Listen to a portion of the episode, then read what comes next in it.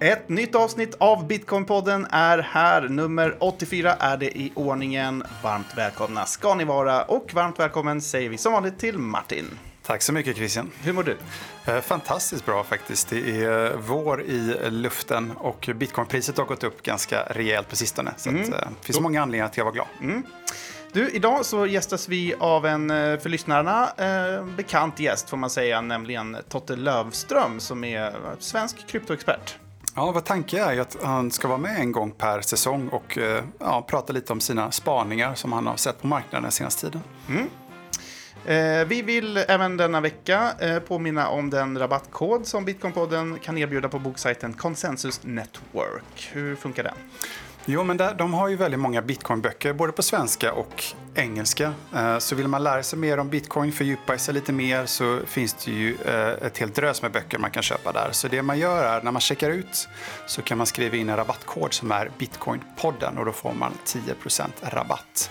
Eh, så man går till konsensus.network, konsensus med K. Och som vanligt ska vi också säga det att Bitcoinpodden den görs i samarbete med den svenska kryptobörsen Trio där man kan både köpa och sälja bitcoin och numera också en drös andra kryptovalutor på ett eh, smidigt och säkert sätt. Trio.se kan du gå in på för att kolla mer där.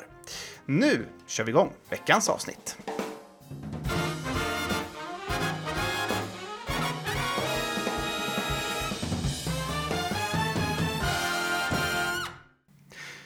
Då säger vi välkommen till veckans gäst, den svenska kryptoexperten Totte Löfström. Tack så jättemycket. Sist du var här, det var avsnitt 64, det var mitten av september. Förra året, ja. ja. Mm. ja det var ett tag sedan. Mm. How have you been? Jo, eh, rulla på med det mesta. Mm, du jobbar ju numera med husdjurhälsovård, kan man ja, säga. Ja, ja, precis. Eh, de här ID-chippen som man sätter i nacken på husdjur. Vi har tagit fram ett sånt som eh, också kan mäta saker. Eh, väldigt stort intresse. Det är så här, jag har inte pratat, eller vi har inte pratat så mycket om det, men det är så här, kennlar hör av sig till mig och, och så här, eh, liksom, veterinärmagasin hör av sig och vill göra intervjuer. Och så, så det finns liksom ett stort sug efter det här, vilket är jättekul. Stämmer det att branschen kallas för pettech? Ja, jag vet inte. Jag, jag har sett att här, i Silicon Valley att folk kallar det för pettech, men då är det mer, mer andra grejer, liksom så här techgrejer, att du har liksom ett halsband med en GPS i och den typen av grejer. Mm. Ja, spännande. Mm. Ehm, och hur mycket hinner du ha koll på bitcoinmarknaden då fortsatt? Alltså jag får ju, jag får ju eh, liksom samtal från media och sådana här saker fortfarande, även om jag har, har vidarebefordrat ganska mycket till, till Martin eh, bland annat. Eh, men och, och, av den anledningen så ser jag ju till att hålla koll på vad som händer. Plus att jag tycker det är kul. Liksom. Det är ganska skönt att kunna göra det på, på in, ett inte professionellt plan också. Mm drivas av lust. Ja, lust är det jag drivs av. Du, eh, du är här idag för att eh, leverera tre samtida spaningar på bitcoin eh, under den inte ofyndiga rubriken BTC och hör. det blev det? ja, det blev Förra gången du var här så döpte vi avsnittet till det om jag minns rätt. Okej, okay, just det. Just det. Mm. det, är ju, det är Theodor, min gamla debattredaktör som jag hade på Nytt 24. Det är hans idé från början. Mm. Ja, men verkligen. Vi lånade den av. Tack så mycket Theodor för det. Mm. Ja, så att, eh, jag har egentligen ingen mer intro än så. Du kan vi köra dem i tre olika eh, ja, eh, punkter. Mm. Så att, eh, take it away med eh, spaning nummer ett. Yes, eh, första av tre spaningar. Det, det, jag vet inte om man kan kalla det spaningar, det är mer liksom allmänna tankar ganska svår uppgift har jag märkt också just för att det mesta liksom som pratas om pratar ju alla om samtidigt och jag har försökt liksom lägga mig utanför eh, vad alla pratar om. Du vill inte prata bankkris alltså, är det du säger? Det är en ganska svag spaning. Här, har ni hört att det är kris för bankerna just nu? Ja. Men det är väl det alla nyhetsredaktioner ofta jobba med att ja, nu har det här hänt, vi har rapporterat det, men hur tar vi det vidare? Mm. Other side of the story och hela, hela den grejen. Mm. Det kan vara så här, för lyssnarna generellt, other side of the story. Jag, jag märker ofta att folk blir irriterade på att, att media liksom, eh, att de bryter emot, det finns liksom ett konsensus i hur alla pratar om en viss händelse och pratar om den händelsen på ungefär samma sätt och sen så publicerar någon tidning någonting som går liksom tvärt emot. Men det är just det liksom other side of the story, att vid någon punkt så måste man stanna upp och fråga sig själv liksom, ja, men, vad, vad är den andra änden utav det? Så Ja. sent som i, igår kom ju den här Uppdrag granskningsgrejen om, om påskupproren eh, där de liksom kollar på polisen. Men det här är- det är ju liksom other side of the story för att rapporteringen har varit ganska fokuserad på an, åt andra hållet tidigare och då tittar man åt det här hållet nu Ja, istället. och det finns en liknande term faktiskt inom eh, journalistiken som kallas för hitta dödgrävaren. Ja. Jag vet inte om du känner till den. Men det är inte riktigt eh, samma som att eh, rapportera motsatta sida, men mer att man hittar andra ingångsvinklar Mm. och perspektiv. Om alla berättar om en sak från, ett, från en synvinkel så berättar man om samma sak från, från en helt annan synvinkel så kommer det in another light så att säga. Välkomna till Mediepodden. Exakt, det var exakt det jag tänkte säga. Det var allt för idag från Mediepodden. Ja, men jag, jag kan ju faktiskt, bara för att ja, avsluta det här. De, eh, Ekot ringde ju igår för att de ville ha en intervju om varför bitcoinpriset har gått upp. Och då, det de sa så här, vi kommer prata om banker och att marknadsräntan har gått ner. Så det är det vi kommer ställa frågor om. Så det var det enda jag fick svara på till anledningen till att bitcoin har gått upp. Jag fick inte ge någon annan vinkel än det i intervjun. Så att det är som ni säger, de, de har ett spår och så, så kör de på det. Mm. Men, inte osant, men du hade säkert andra, andra, andra saker att säga om det också. Ja, det är, det är en väldigt enkel sanning att säga att, att det är det. Det finns ju andra nyanser också, men det, det fick inte plats i den intervjun. Ja, men, var det din första spaning? Nej, det var inte min första spaning. Min första spaning har inte med media att göra, utan det har att göra med att eh, läget vi befinner oss i nu, jag, jag kan ta bara superkort bakgrund, att det är ganska mycket folk som hör av sig till mig fortfarande liksom, och, och så här, har idéer och frågar om hjälp kring så här, jag vill starta någonting nu inom krypto, vad ska jag göra, hur får jag, hur får jag bankkonto, bara en sån grej liksom, frågar folk om. Eh, och det jag märkt är är en, speciell, en, en intressant trend att just nu som är egentligen till, tillfället när man borde starta en massa grejer så är det, ganska, det är mycket färre som hör av sig nu än till exempel på toppen liksom, eh, för, ja, för något år sedan. Liksom. Ehm, och jag tror, så, här, så att jag vill både liksom uppmuntra alla som lyssnar att så här, Går du och har någon idé kring, kring att göra någonting inom krypto, starta ett företag eller liksom bygga en tjänst eller whatever, ja, men se till att göra det nu. Eh, för det är nu som, de som, det som börjar byggas nu kommer vara det som är stort liksom, nästa gång som, som man når toppen på något sätt. Däremot när, det är, när man befinner sig i brinnande bullrande så är det ganska svårt att sätta igång och starta och liksom bygga någonting konkret och, och någonting som faktiskt är bra. Utan då blir det lätt att man bara ha, hakar på liksom shitcoin-casino-grejen och liksom den typen av grejer. Men det är inte lika roligt kanske att eh, starta ett eh, kryptobolag idag. Ja, Eh, du, du har ju också varit med och gjort det. Så att, alltså så här, vi gjorde ju det motsvarande idag fast 2018, eller liksom i början av 2018 där, när det var ganska, ganska så här, helt plötsligt så pratade ingen om det, men det var ju också det som gjorde att vi fick ro att, att bygga upp någonting från grunden och fundera på riktigt liksom, vad vi ville bygga upp. Absolut, men till exempel i fråga om att eh, ta in startkapital eller pengar för att finansiera verksamheten så är det mycket lättare när det är superhype och alla pratar om det. Då kastar vi ju investerare pengar på kryptobranschen. Men eh, och, ja, tvärtom när det inte är hype. Precis, och, så, och det, där, det där är ju en jättesnackis inom liksom startup-svängen nu. Att så här, "Åh, det är så himla mycket svårare att få pengar nu för att alla riskkapitalbolagen är inte intresserade och de håller, håller på pengarna och så här. Men, men det är också så här, vill du ha, alltså så här, bra bolag, bra idéer får ju pengar nu också. Så här, det, det är en varningsklocka och du bör kanske stanna upp och fundera, så här, ska jag göra det här om det är helt omöjligt att resa pengar nu så är det kanske inte fullt så bra idé. Om du behöver, liksom en, behöver minusränta och, och, och brinnande högkonjunktur för att du ska kunna resa pengar, då, då kanske du borde fundera över en annan idé istället. Men tycker du att det är svårt att tjäna pengar i den här branschen? För att om man säger historiskt sett, de företagen som har tjänat bäst har ju antingen varit börser eller de som gjort ICOs. Det är ju de som gjort de stora pengarna. Det är ju ganska svårt att tjäna pengar annars. Tror du det liksom är ett motstånd också? Det tror jag definitivt. Och jag tror också att det är det som man behöver fundera över. Liksom det, vi behöver ha ordentliga, bra idéer kring, kring hur vi liksom kan, kan använda bitcoin och krypto i, i liksom vardagliga situationer. För så som det har sett ut hittills, vi gick på något sätt ifrån liksom ICOer 2017 där, eh, tills den liksom bubblan sprack och folk var allmänt skeptiska, till att liksom rebranda och sluta prata om ICOer och börja prata om tokens istället och liksom den typen av grejer. Och och, och det vi fick var ju liksom ingenting. Vi fick ju infrastruktur som, som gjorde det lättare att befinna sig i kryptovärlden. Men vi fick ingenting som, ingen infrastruktur som, som liksom påverkade världen utanför. Utan vi fick liksom så här FTX, alltså så här kasinoliknande. Liksom. Och då, nu, nu säger inte jag ens kasino som liksom ett skällsord utan, utan det är mer ett konstaterande att FTX var väldigt mycket som liksom ett nätkasino. Alltså deras kunder använde dem som ett nätkasino. Man gick in och chansade på den här random coinen och liksom den typen av grejer. Och det kommer ju inte göra att bitcoin får liksom jättegenomslag i, i världen och i världsekonomin utan vi måste bygga sånt också nu. Just det. Och, och exempelvis på det kan vara infrastruktur som gör det lättare att ta betalt i exempelvis bitcoin. Precis. Uh, och, och, det är så här, hade jag haft svar på, på liksom hur och alla idéer uh, så hade jag gjort det själv. Eller liksom så. Mm. Men, men det är så här, jag, jag, tror att det finns uh, jättemöjligheter bland vanliga människor liksom, som, som lyssnar på den här podden och som kanske har liksom en vag idé. Och, och så här, jobbar man i, i liksom, oavsett vilken bransch man jobbar i så tror jag att bitcoin kan ha en roll där och det är upp till den som jobbar i den branschen och är lite kreativ att komma på vilken roll. Och det är också så här, med företagande generellt så folk, folk tänker liksom att man måste säga upp sig från sitt jobb och storsatsa. Så många idéer går ju att börja smygbygga liksom lite i bakgrunden. Mm. Men det är ändå intressant det du sa Martin, att de som faktiskt har genererat pengar och bolag som har verkligen vuxit eh, de senaste åren eh, inom kryptobranschen, det är ju kryptobörser och ICOer. Mm. Eh, och ICOer står inte så högt i kurs hos eh, gemene bitcoiner.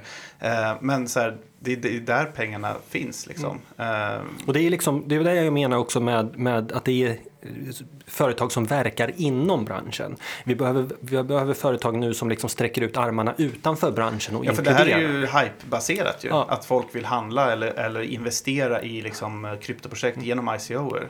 Ja. Uh, har vi liksom någon, för att, liksom en, en stor, ett stort argument för bitcoin uh, som man har hört många gånger är ju så att ja, men, man kan skicka värde över hela världen till någon annan person utan att ha en tredje part och så vidare involverad. Eh, där borde man ju, kan man inte tycka att det borde det ha kommit ett företag som har hittat ett bra sätt att uh, gå runt de här Wells Fargo och de här andra som kör remittances uh, som ändå tar ganska mycket uh, avgift mm. för det. Det har jag ju hört flera år nu. Jag skulle säga att, att, det finns väl, USA ligger ju alltid lite längre fram. Du har ju bolaget som Strike till exempel som jobbar mycket med remittance som försöker lösa det problemet. Men jag tycker inte det är lika utbrett i Norden eller i Europa. Jag tycker inte vi ser några större liksom, bitcoinbolag i, i, men om, på den här men, sidan. Men Strike, om de kan sänka kostnaderna då för de som behöver göra remittances, alltså skicka, hem, skicka pengar hem till hemlandet. Eh, borde inte de verkligen ta marknadsandelar då? Gör, gör de vinst ens Strike? Liksom? Alltså, det jag vet om Strike är att de har ju, har ju väldigt mycket riskkapital som har flödat in i det bolaget. Så de bygger väldigt mycket, de bygger väldigt snabbt. Så att det, det tar ju tid innan, alltså jag tror tanken är inte att man ska gå plus i början som många andra startups. Utan det, det, det kommer nog säkert lite senare. Men, men det jag menar är att i, i USA så händer väldigt mycket, det är alltid där saker händer först. Men jag tycker inte det har börjat spilla över till Europa och Norden än. Utan vi, vi ligger ganska mycket eh, efter tyvärr i att bygga infrastruktur och inte bara bygga sätt som man kan spekulera på bitcoin eller kryptovaluta. Mm. Ja, men det är tråkigt för det hade ju säkert varit någonting eh, att visa upp inför traditionella finansvärlden och övriga som inte är så insatta i bitcoin. Mm. Istället för ICO då kanske. Mm. Uh, just det, forget the hype, build things. Det var ju en paroll som man hörde rätt mycket då efter rusningarna 2017. Ja, var inte det typ Bloxbos slogan till och med? Jo, just det. Uh, och det är ju lite kanske det du mm. är inne på här då. Ja, och så här, vi, har ju in, vi, vi, har ju ingen hype att prata om nu så den, den är ju lätt att glömma. Bara lägga åt sidan. Utan nu, nu, är det ju nu är det ganska dött. Uh, och, och man, man, har väl, det har väl varit en tendens också att, att från medias sida så har man börjat liksom skriva, och apropå det här med other side of the story, att man börjar skriva negativa. För att när kursen vänder ner, då, då är det intressanta är ju att berätta om att shit vad det här, nu, nu rasar saker. Det är ju det intressanta liksom. Medan när det är hype så är det mer intressant att prata om, så här, vadå, kommer bitcoin gå till en miljon dollar? Eh, vilket är den, den typen av narrativ att liksom etablera det i media är ganska, eller på Twitter eller på Facebook eller var som helst egentligen, mm. när det är svårt att liksom etablera den typen av narrativ nu. Eh, men det betyder att man måste liksom så här, jag tror att det här är rätt läge att börja bygga grejer. Vi kanske får göra om den då till, uh, vad blir det då? då? Uh, build the hype, forget things. Nej. Ja, och du jobbar med språk va? Ja, nej, men eh, verkligen eh, intressant. Eh, en, en liten avslutande grej också här också. Vi, det man, man ska inte glömma att vi, vi har liksom all, vi har aldrig haft så bra möjligheter att liksom sitta på sin egen kammare och bara lära sig saker och bara göra saker och bygga saker. Eh, hela det liksom, senaste året så har jag, har jag kämpat med att lära mig programmering och sen så, och det, så här, med varierande resultat och det tar tid att lära sig. Och sen så släpptes ChatGPT och jag började använda det som verktyg. Och sen så har det bara liksom så här, ljusets hastighet i hur fort jag lär mig både både låta liksom ChatGPT skriva färdig kod för att göra kul, kul elektronikprojekt och sådana grejer. Men också liksom så här, ja men snälla kan du förklara den här koden för jag fattar verkligen inte alls vad som är. Och det här kan ju vem som helst göra. Så helt plötsligt så har vi verktyg som gör att du behöver inte ha liksom en Erik Wall-bakgrund liksom för, att, för att kunna fatta de här grejerna. Utan du kan fortfarande liksom göra saker ändå. Ja men det är som ett uppslagsverk då eller en mer avancerad Wikipedia som förklarar och hjälper ja, eh, dig när du frågar. Liksom. Och du kan ställa följdfrågor och liksom säga vad är det här? Finns liksom? det inte en risk att vi eh, kanske slutar tänka kreativt eh, om AI kan göra det åt oss? Alltså, då tänker jag mig kanske på att skriva brev eller liksom en formuleringsförmåga till exempel. Jag behöver inte formulera mig längre alls för att det gör AI åt och då till slut försvinner den. Eller man hinner kanske inte ens bygga upp den om man inte har den från början. Alltså jag tror, nu, nu går vi, glider vi liksom in egentligen på det som var nummer tre. Eh, vi, kan ta den, vi kan väl ta den punkten, min, min, nummer tre-spaningen nu, så kan vi prata lite om AI och sånt där också. Ja, absolut. Eh, den tredje är att vi inte har sett eh, någon som helst liksom, ihopkoppling mellan AI och eh, bitcoin. Eh, eller, eller krypto generellt liksom, än. Jag tror, eh, det, enda, det enda man har sett är de här investeringsbedrägerierna. De var väldigt snabba med att hoppa på AI istället Quantum för... AI ja. var ju någon uh, scam, ja. Precis, och det är så här, du får, alltså så här, de bedrägerierna bygger i hög grad på att man hoppar på det som, som för tillfället pratas om en massa. Och just nu så är det ChatGPT och liksom så här, investera i ChatGPT, i, i OpenAI i bakgrunden och sen så blir folk inlurade på det. Men, men det finns ju det finns ju någon form av, av värde att hämta här mellan liksom att låta de två världarna växa ihop. Det är ändå två stycken helt digitala världar vi pratar om så att de kan växa ihop. Med det sagt så tror jag att det finns en överhängande risk att liksom nästa, nästa liksom hypevåg, eh, motsvarigheten till ICO och liksom nya coins och sådana grejer som startas tokens, att det kommer vara mycket fokus på att säga, wow, vi har kopplat på AI som driver det här systemet som är så här bra för att det kan verkligen minska klimatförändringarna. Liksom så här, det kommer vara den typen av liksom narrativ tror jag. Eh. Vadå, så att du tror att, att det kommer bara vara som ett buzzword och kanske inte egentligen i verkligheten? För jag försöker förstå hur det, vad det innebär att man använder AI till bitcoin eller krypto generellt? Då? Nej, men jag tror att det är mycket buzzword. Jag tror att man kommer koppla på. Jag tror att det kommer vara, alltså egentligen som de här investeringsbedrägerierna, många av dem har ju varit så här eh, AI-bottar som tradar åt dig. Jag tror att vi kommer faktiskt få se framväxten av seriösa företag som säger att ja, men, vi har den här AI-trading-botten som vi har byggt som du kan få köpa in dig i. Eh, eh ett tips från mig på förhand, eh, gör inte det. Köp, investera inte i AI-trading-bottar alls för att det är så här i bästa fall så kan du säkert tjäna, tjäna lite pengar på det, men, men många av de här kommer ju också kollapsa. Är det någonting historien har lärt oss så är det så här, när du sätter en robot på att sitta och trada, så här, om, om den gör väldigt liten vinst eh, för att den liksom spelar mer eller mindre säkert, då kan det funka. Men då är, det, då är inte folk intresserade av att investera i det för att det är för liten vinst. Eh, Medan de som är liksom så här, har hög, högt flygande planer och liksom stora ambitioner eh, funkar jättebra en kort stund och sen så gör den ett misstag som bara liksom raserar totalt allt. Eh, det finns flera sådana exempel så att man, man ska vara väldigt försiktig med att slänga in sina pengar på artificiell intelligens generellt tror jag. Mm. Men eh, det var inte riktigt svar på den frågan jag ställde. Mm. Ehm, finns det inte en risk att vi slutar tänka kreativt om AI kan göra det åt oss? Alltså det här är en jätte, jättestor fråga. Hej och välkommen till AI-podden. Mm. lite, lite så. Ehm, men, men jag tror att det kommer... Jag tror inte vi kommer hinna med. För att det, det är så här, vi lever ju alla tre i liksom den här verkligheten som vi alla går omkring i nu. Och eh, så här, det har hänt så mycket. ChatGPT släpptes i september tror jag det var. Eh, och sen så nu här förra veckan så kom eh, eh den ChatGPT eh, 4, alltså den som är liksom nästa version. Google släpper Bard nu, nu i dagarna. Copilot ska, ska implementera ChatGPT i, i hela Office-paketet. Det, är så här, det går så himla fort Eh, just nu så jag tror inte vi kommer hinna liksom så här, tappa språk eller sådana grejer förrän vi helt plötsligt lever liksom in... Man låter ju som en galning liksom när man pratar om det här men det går så fruktansvärt snabbt och det är att automatisera språk. Det är liksom... Vi har aldrig gjort det förut och, och det kommer... Det, jag tror att det är svårt att föreställa sig var vi kommer vara om två år ens. Liksom. Och hur menar du automatiserat språk?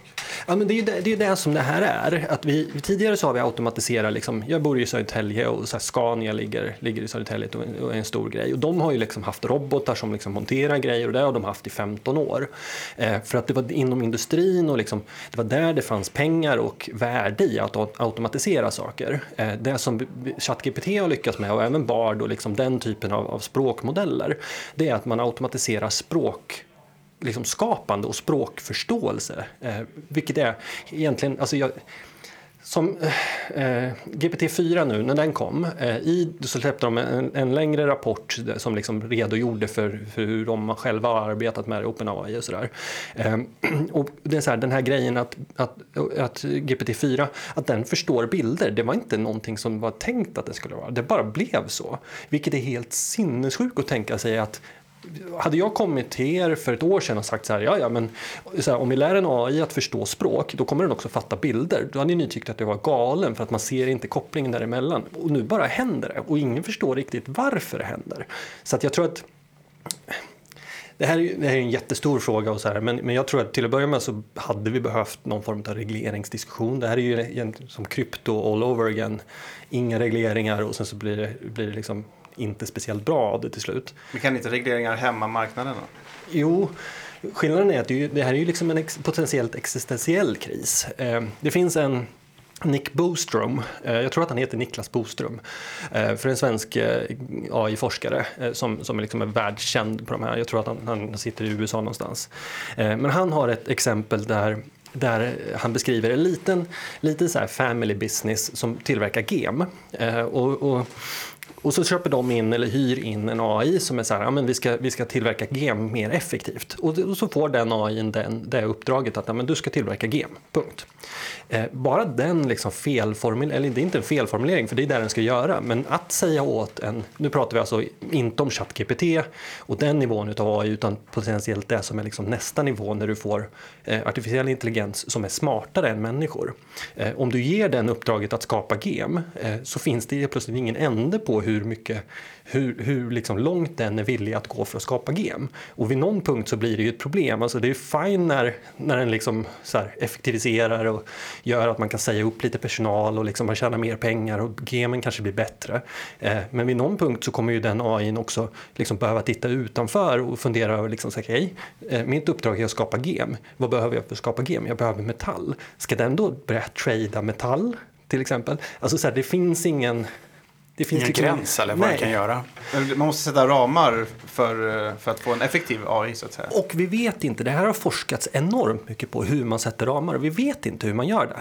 Vi, vi har liksom... Jo, men genom att avgränsa kanske? Ja, precis. Men hur avgränsar du? Hur sätter du upp en, en avgränsning som gör... Um, du, ska, du ska skapa gem men du får inte trada metall till exempel. Då kommer den ju inte göra det. Kanske. Nej, okej, men då låter den bli att trada metall, men den börjar... Det är som kod, du får göra massa, du får inte det här, du får inte det här. Alltså så här.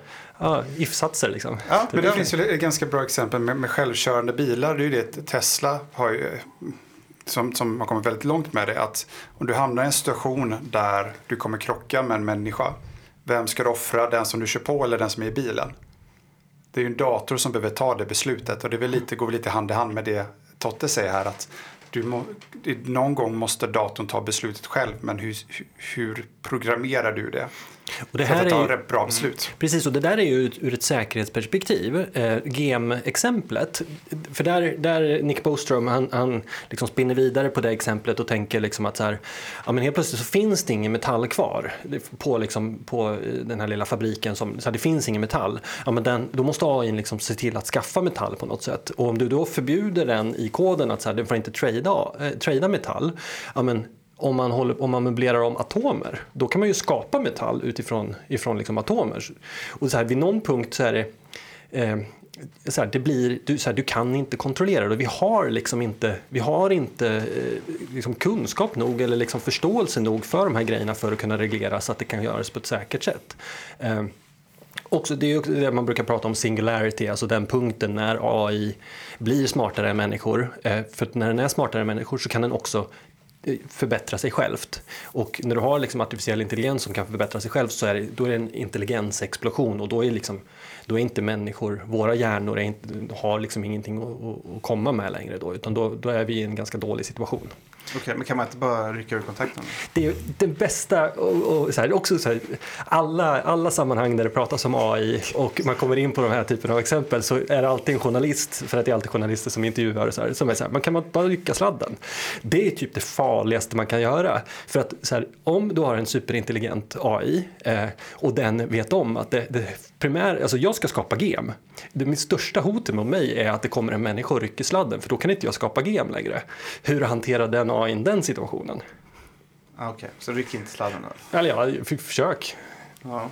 Ja, spännande. Eh, Jag tycker väl inte riktigt jag fick svar på min fråga där, men eh, eh, om jag tolkar dig rätt då så är det snarare så att eh, eh, Scania-exemplet liksom. Eh, alla behöver inte kunna montera bilar, vi gör datorer istället som gör det åt det. Ja, då effektiviseras det bort. Då menar du alltså att ja, men nu, nu får vi språkkunskap här som AI kan stå för.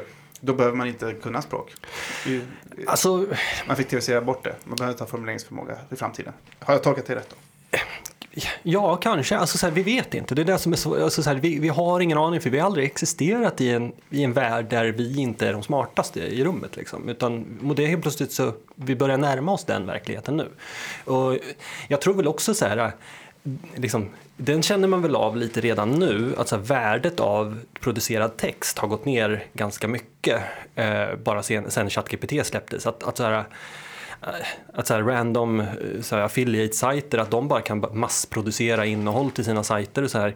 I, i, vid någon punkt så tror jag att så här, typ Google och, och Bing också är ju uppenbarligen en spelare helt plötsligt sen de implementerade ChatGPT. Vilket det hade jag inte sagt för ett år sedan. Eh, men, men deras så de måste ju omvärdera vad som är ett bra sökresultat och jag tror den här chattfunktionen, liksom att du, du chattar med, eh, att det kommer ta över och då, tänk då hela internet som är liksom Google-optimerat och, och ska liksom dra trafik på det sättet och så slutar du dra trafik. Det är inte det du gör ifrån Google utan du får direkta svar i en chatt istället. Så att det är så här, värdet på, på text kommer nog gå ner, har nog redan gjort det ganska mycket. Eh, och jag tror inte att det är där i som liksom, liksom det stora värdet för, för ChatGPT kommer ligga heller i att wow, nu kan vem som helst bara producera färdig text. Hur kan man sätta det på att utveckla affärsidéer då till exempel? Vi, vi sa ju att vi saknar eh, bitcoin-relaterade affärsidéer som inte är byggda på hype. Mm. Ja, nej, men det, definitivt. Eh, och, och så här, bollplank, eh, lära sig saker, använda, använda ChatGPT som en liksom, lärare som lär dig grejer för att, jag vet inte. Det, vi, vi, närmaste året så kommer, det, kommer vi behöva liksom lägga ganska mycket fundering på så här, vad är det här och vad ska det vara? Tror du eh, e-kronan kommer att använda AI?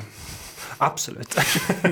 det är väl en hype-grej eh, om något. Nej, jag tror inte det. Men, men eh, jag tror inte att e-kronan kommer att släppas överhuvudtaget. Eh, jag tror snarare också att vi lutar mer åt att gå med i euron istället för att släppa en egen, egen e-krona faktiskt. Så det blir e-euro istället. Ja, det tror jag. Det Snarare. på det? Ja, det gör det. Mm. CBDC för euron.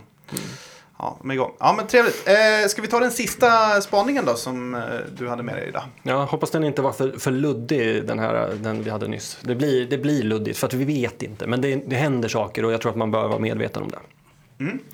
Eh, men spaning nummer två, den är lite mer lätthanterlig och det, jag, har, jag ska inte säga att jag har irriterat mig, jag, men jag har liksom känt att det blir, när folk pratar om krypto och i synnerhet när man är i liksom situationer där folk ska liksom övertyga någon annan om att bitcoin är en grej och liksom sådär. Eh, att man lätt hamnar i massa så avancerade, eller avancerade och avancerade, men man hamnar liksom i, i liksom branschorden. Man omnämner saker, eh, alltså bara en sån grej som att säga att så här, ja, men fiatvaluta jag tror verkligen att man alienerar, man, man liksom stöter bort många människor genom att man liksom slänger sig med såna, liksom, en sån jargong nästan.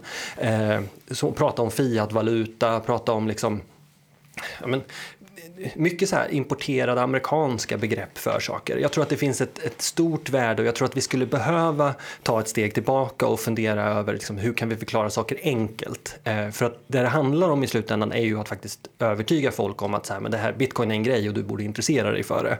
Och det gör man inte ifall man slänger sig med avancerade begrepp hit och dit och, och liksom pratar om att Fed ska, ja, höjer ju räntorna nu och det är det som ligger till grund. Alltså så här, tänk att du pratar med, med liksom din mamma eller din kusin eller någon. Alltså så här, de kommer inte förstå och då har du inte uppnått någonting alls överhuvudtaget. Jag tror alltså de senaste, säg tre åren, fyra åren, så har ju man pratat väldigt mycket om bitcoin som en makrotillgång. Alltså då har det blivit att man har kopplat bitcoin väldigt mycket, eller prisrörelserna som bitcoin har haft till exempelvis eh, centralbankernas agerande. Och det har kommit in lite mer, ehm, eh, ska vi säga, proffsiga investerare som som slänger sig med sån här finanslingo. För det var ju inte så i början på samma sätt. Mm. Men, men det är som du säger, de senaste fyra åren så har det, den här lingon har kommit in. Ehm, och väldigt många också plockar upp det här för att man tittar på något YouTube-klipp. Jag, egentligen, alltså jag känner mer och mer att så här, ingen borde titta och lära sig grejer på YouTube. I alla fall inte liksom den här typen av grejer för det är så mycket som är Ja, men dels så mycket som är liksom fel eh, och folk som egentligen bara vill, vill ha en kanal som de ska tjäna pengar på och liksom sälja in grejer så. Men, men jag, jag tror verkligen att vi behöver liksom back to the roots. Och så här, säg inte Fiat-pengar när du ska övertyga din jobb, jobbarkompis om att, att köpa bitcoin. Säg, säg liksom vanliga pengar. Alltså, det är inte så himla komplicerat. Bankpengar. Ja, vanliga pengar. För det är, så här, dina kronor är ju det de handlar om. Men det kommer ju som du sa, det är ju finanslingon. Det kommer ju från finansvärlden. Och egentligen är det ju inte så konstigt att det har blivit så. För att bitcoin är ju en eh, Alltså den tradas ju, handlas. Och Men det har också kommit in i finrummet. Det har kommit in bland folk som jobbar i den traditionella finansvärlden. Ja. Och, och så har det inte alltid varit. Det har ju varit de senaste tre, fyra åren. Men en tendens som har varit i, i, egentligen sedan förra finanskrisen är ju också att finansbranschen hittar på nya ord för saker. Lite för att typ gömma det och för att folk inte ska fatta. Är det därför tror du de gör det?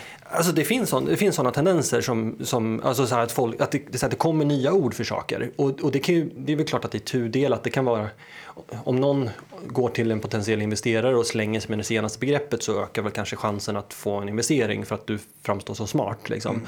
Yieldkurvan. Ja, ja, till exempel. Herregud. Eh, nej, men jag, jag vet inte, det, det, är väl kanske min liksom, bakgrund. Jag är ju utbildad retoriker i grunden. Eh, och in, inom retoriken så pratar man om, med risk för att slänga mig med avancerade ord nu, men eh, etos, logos och patos, gammalgrekiska ord. Eh, från början så var de så tydliga som vanliga pengar, liksom, de tre. Men, men etos handlar om trovärdighet. För att någon ska bli övertygad av det du säger så måste du, de måste lita på dig. Eh, så det är det första. Det andra är logos som handlar om förståelse. Och det är det här jag tycker att, att kryptovärlden brister ganska mycket. Att vi, vi lyckas inte förmedla liksom förståelse varför bitcoin är en grej. Eh, utan vi, istället så slänger man sig med liksom avancerade ord och hoppas på det bästa, liksom att hoppas på att låta smart. Och det, det tredje patos är att du, du, måste också känna, den som du ska övertyga måste känna för det du vill övertyga den om, annars kommer den inte orka bry sig. Nej. Och alla de tre behövs. Och, men, men, men framförallt, alltså så här, Eh, liksom patosdelen, där är kryptosfären ganska bra. Att säga, men vadå, vi har inflation på 10% som pumpar på, dina pengar försvinner varje dag, för varje dag som går. Alltså, jag tror att folk känner, men jag tror att också att vi komplicerar det för mycket med, med avancerade ord. Vi måste liksom ta ner det till, till en nivå så att man kan berätta om det för sin farmor. Och det är, så här, det är ingenting fult att kunna prata så att människor fattar vad du säger, tvärtom. Nej, vi har säkert gjort oss skyldiga till det här i podden också. Precis, men det här är också en podd som handlar lättnader, om det. Men vi försöker i alla fall mm. förklara begrepp mm. som ändå kan, man kan misstänka uppfattas som lite svåra att förstå. Uh, vara lite inkluderande. Mm. Nej, men och det här är ju också en podd som handlar om de här grejerna. Så att jag antar att någon, våra farmödrar inte lyssnar på podden heller. Men, men om du pratar med liksom en kollega på jobbet eller pratar med, med liksom någon, någon kompis eller någonting. Du kan inte hålla på och så här, slänga dig med liksom begrepp som fiat, fiat-valuta. Liksom så här, för det, det är Fiat, då tänker folk på en bil. Mm. Jo, precis. Det är också lite uppförsbacke för att många vill ju prata pris. Mm. Och då är vi inne på den finansiella biten och trading. Och spekulation. Och, och spekulation. Eh, och då kommer de här begreppen liksom automatiskt. För att inte prata om teknisk analys, TA, så många begrepp det finns där. Liksom.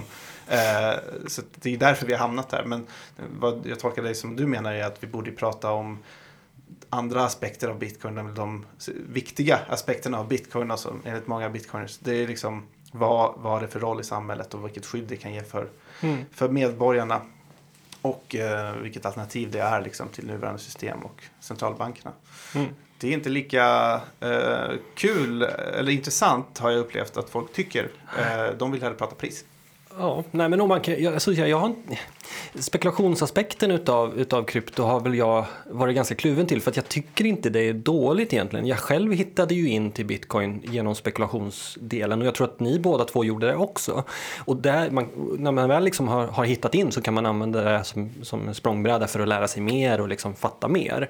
Eh, så att jag vet inte, alltså så här, prata med folk om prisaspekten och sådana här grejer och, och så. Det Ja. behöver inte vara något dåligt. Man kan ju börja där Ja. och sen kan man Eh, lura in dem i andra resonemang. Ja, men, men, men definitivt inte involvera så här, ja, jag har gjort, jag har gjort lite TA på det här och så här, ja, pris, prismässigt så räknar vi med någonstans runt 500 000 dollar inom kanske ett par månader. Ja, använd en AI-motor, vet du, funkar toppen. Men du är ju retoriker i grunden. Kan du inte bjuda på, för jag tänker att liknelser är bra att använda i att förklara bitcoin. Har du någon sån go-to-liknelse som du brukar använda som kan ge lite konkreta tips här till lyssnarna? Ja, alltså så här, till att börja med, om man vill. Jag, det här är ju någonting som jag har aktivt jobbat med i, under hela tiden som jag jobbade. Liksom, från att vi började jobba med Trio eh, så har jag liksom aktivt försökt ha färdiga liksom, begrepp eller färdiga liksom, sätt som jag uttrycker saker på för att det inte ska bli komplicerat. Alltså så här, eh, men en sån, eh, alltså en sån sak, jag, jag, försöker verkligen att inte säga fiat-valuta oavsett sammanhang, utan jag säger vanliga pengar. För Du tror de flesta tänker på bilen då, eller? Ja. Fiat-bilen. Tror inte ni det? Jo, alltså man ska ju vara ganska ja. mycket i den här bubblan för att tro att folk fattar. Absolut. Ja, jag kommer ihåg Mårten Andersson sa det, han drog något skämt om det, att han trodde att Fiat var en bil och inte en valuta så att säga. Ja, ja. Eh, vilket är då helt rimligt för att eh, vem fan vet vad det är liksom, det, inte det är ju så självklart egentligen så att det inte ens är ett så roligt skämt. För att det är så här, ja, det, så tänker väl de flesta. Jag hade, jag hade faktiskt, jag satt på, när jag jobbade på Ny 24, vi jag hade sagt upp mig så var vi på någon form av liksom så här konferens med jobbet och sådär. Och så, så kom jag in i, i ett samtal med vdn eh, för, för Ny 24-gruppen som frågade så här, men vad är det du ska göra nu då liksom? Och jag, jag bara började jag var ju helt ny in i krypto och jag, och jag gjorde ju själv det som jag har kritiserat nu. Så jag var så här, ah, nej, men du sa fiat-valuta och så här, ah, men så blockkedjan och så här liksom. Blockchain sa jag säkert också, inte blockkedja.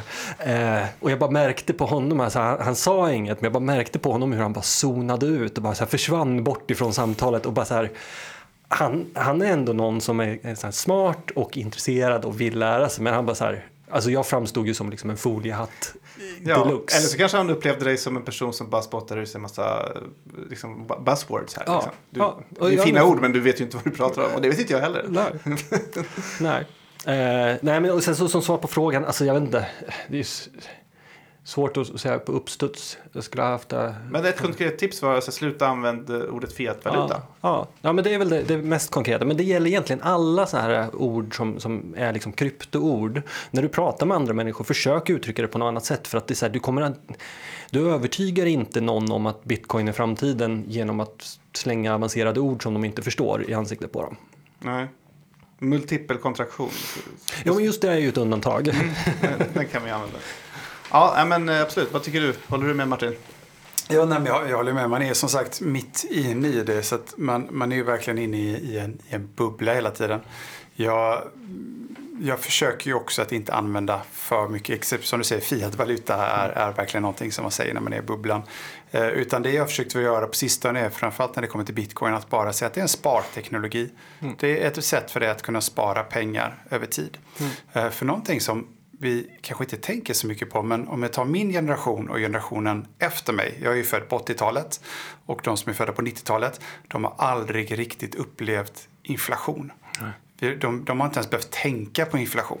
Utan det är först i år nu som folk bara oj, inflation, det, det här är inte mm. bra. Min köpkraft, min, min lön eroderar varje månad. Um, När hade vi så här hög inflation senast i Sverige? Alltså det var väl 90-talet. Början av 90-talet eller? Ja, hade vi verkligen så här hög inflation? Alltså jag har, under mitt vuxna liv har jag aldrig haft, liksom, ens tänkt, behövt tänka nej, på kan, inflation.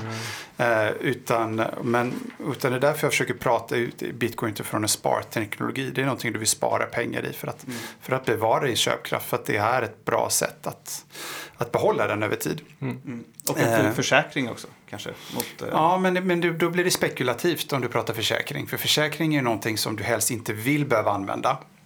Du köper, ju en, en, du köper en försäkring till huset för att ifall den brinner upp. Ja, så du vill ju inte använda försäkringen. Betyder inte att det är en dålig grej att ha? Nej, nej men jag, bara säger, jag, använder, jag försöker inte säga så mycket försäkring. Utan jag försöker säga att det är en sparteknologi. Det är ett sätt som, som jag sparar pengar i. Punkt. Mm. Uh, och det fungerar ganska bra för det finns bara en viss mängd så att jag vet exakt hur mycket jag äger av den totala mängden pengar. Det låter som en sparapp, en sån här fondhjälp. ja, folk får tolka det på, på olika sätt. Men jag, jag, försöker att undvika att säga ordet investering. Det är ja. det. Jag försöker alltid säga att bitcoin för mig är ett sätt att spara, det är en sparteknologi. Hur ofta säger du blockchain?